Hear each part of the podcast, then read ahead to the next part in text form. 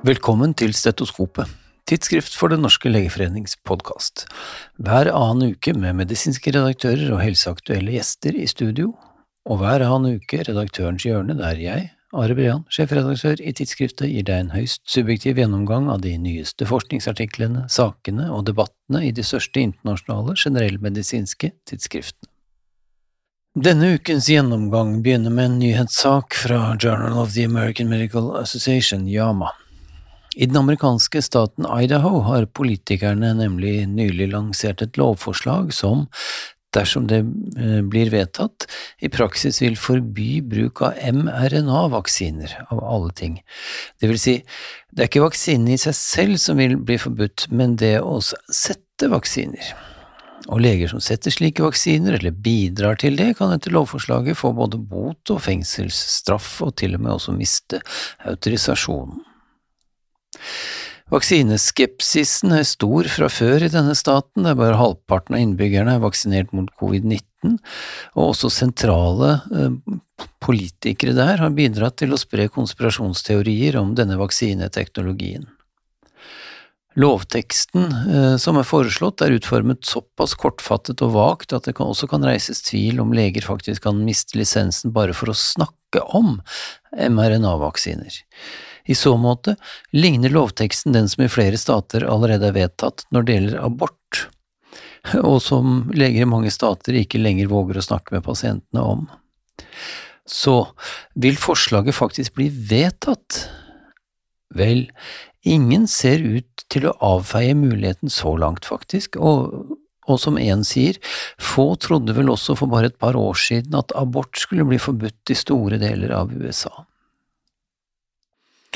Fra testutvikling i USA og Yama til New England Journal of Medicine, der en jeg vil si enorm studie av lokalisert prostatakreft nå nylig er publisert. Over 80 000 menn som gjennomgikk PSA-testing mellom 1999 og 2009 ble inkludert i studien. 2600 av dem fikk diagnosen lokalisert prostatakreft, og 1600 av disse igjen ble randomisert til å gjennomgå enten aktiv overvåkning eller prostatektomi eller strålebehandling pluss en kort kur med androgendeprivasjonsterapi. Etter hele 15 år hadde forskerne oppfølgingsdata for smått utrolige 98% av mennene. Dødeligheten var lav og lik i de tre gruppene.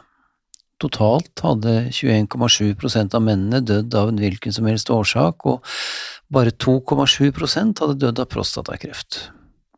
Forekomsten av metastaser var 9,4% i gruppen med aktiv overvåkning, og omtrent halvparten i gruppene som ble behandlet med prostatektomi og strålebehandling. Klinisk progresjon var noe høyere i den aktive overvåkningsgruppen enn i de to andre gruppene, men det endepunktet var ganske heterogent og lite spesifikt. Men altså, dødeligheten var eh, omtrent lik. Forfatterne konkluderer med at valg av terapi ved lokalisert prostatakreft innebærer å veie fordeler og skader ved behandling mot hverandre. Kanskje ikke den mest tydelige konklusjonen, gitt varigheten og størrelsen på studien. Eh, bivirkningene av radikal prostatektomi og strålebehandling er godt kjent, og mange menn har betydelig seksuell dysfunksjon eller urinveisdysfunksjon etter en slik behandling.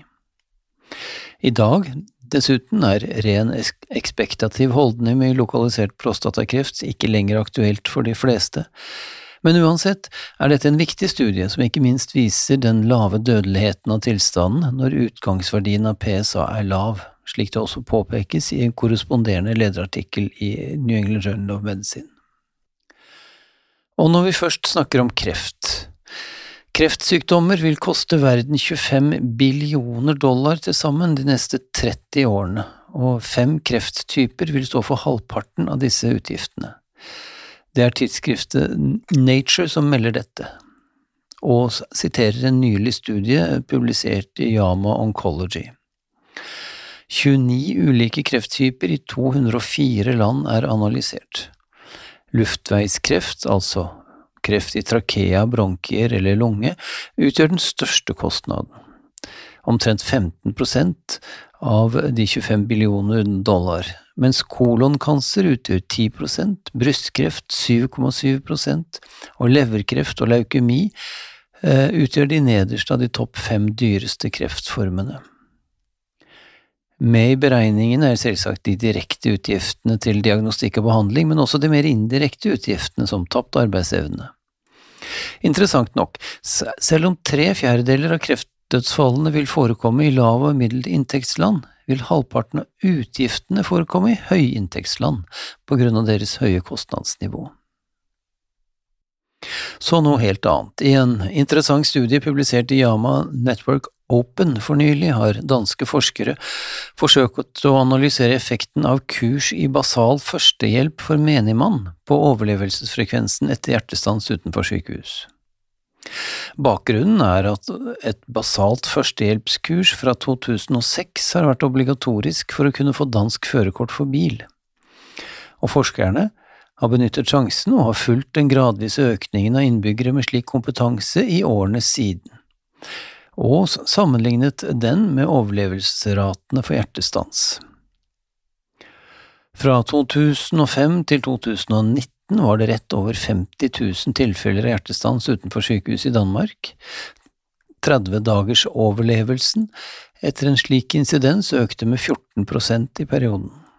Det er selvsagt flere faktorer som har bidratt til dette, blant annet større generell oppmerksomhet om hjerte-lungeredning og større tilgang til automatiske defibrillatorer.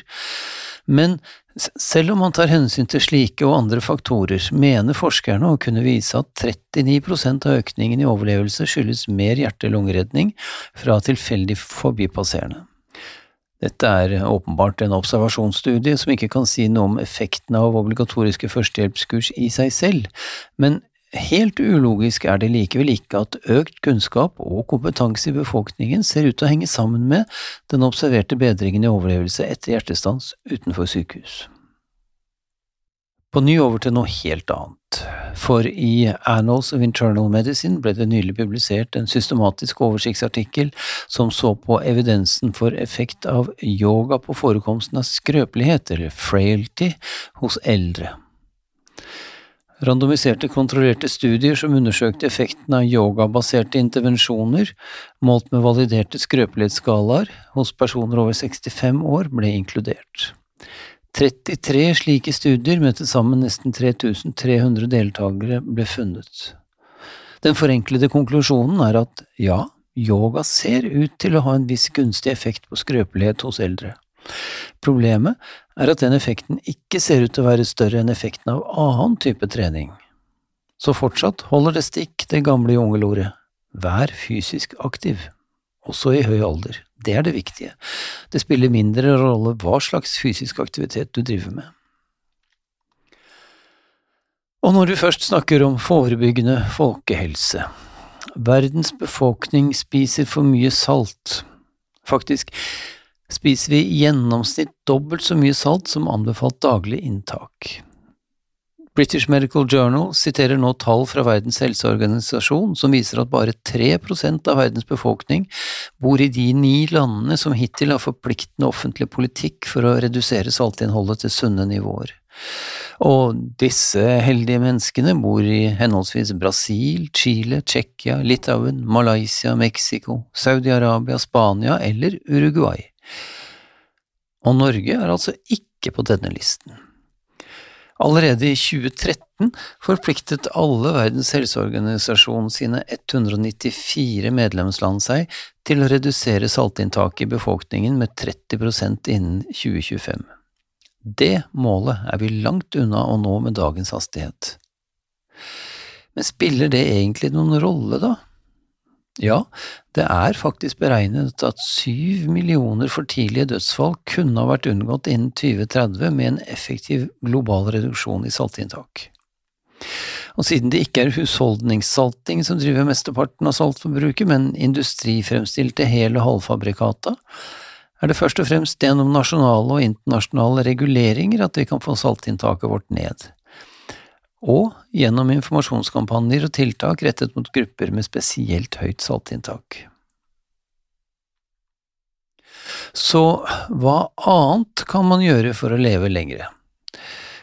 Kanskje ikke bare spise mindre salt, men spise mindre i det hele tatt.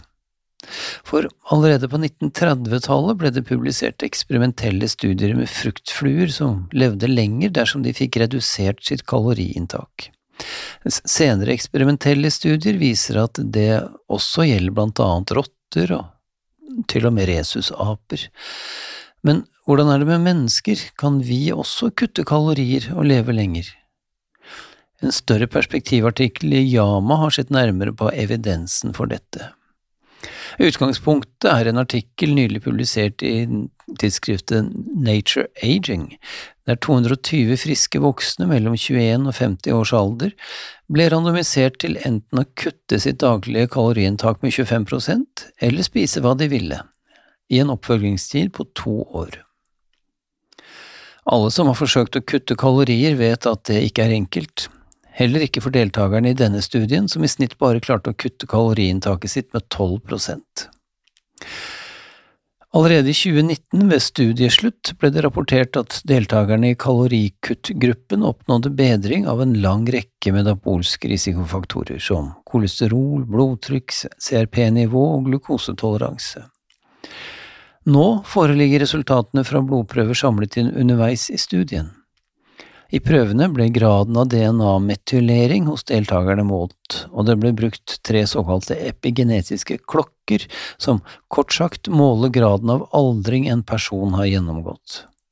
For to av disse såkalte klokkene var det ingen forskjell mellom kalorirestriksjonsgruppen og spis hva du vil-gruppen, men for den tredje av disse klokkene ble det vist en to til tre prosent reduksjon i aldringen i løpet av de to årene studiene varte.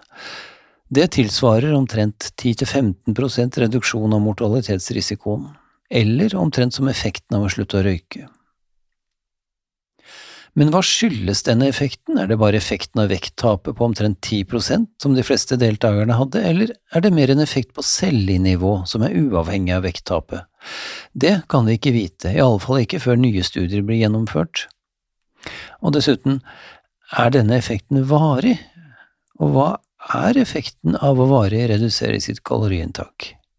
Og kan man få samme effekt ved å ikke redusere sitt daglige kaloriinntak, men heller redusere det ukentlige kaloriinntaket ved for eksempel å drive intermitterende fasting, som nå er blitt den nye trenden?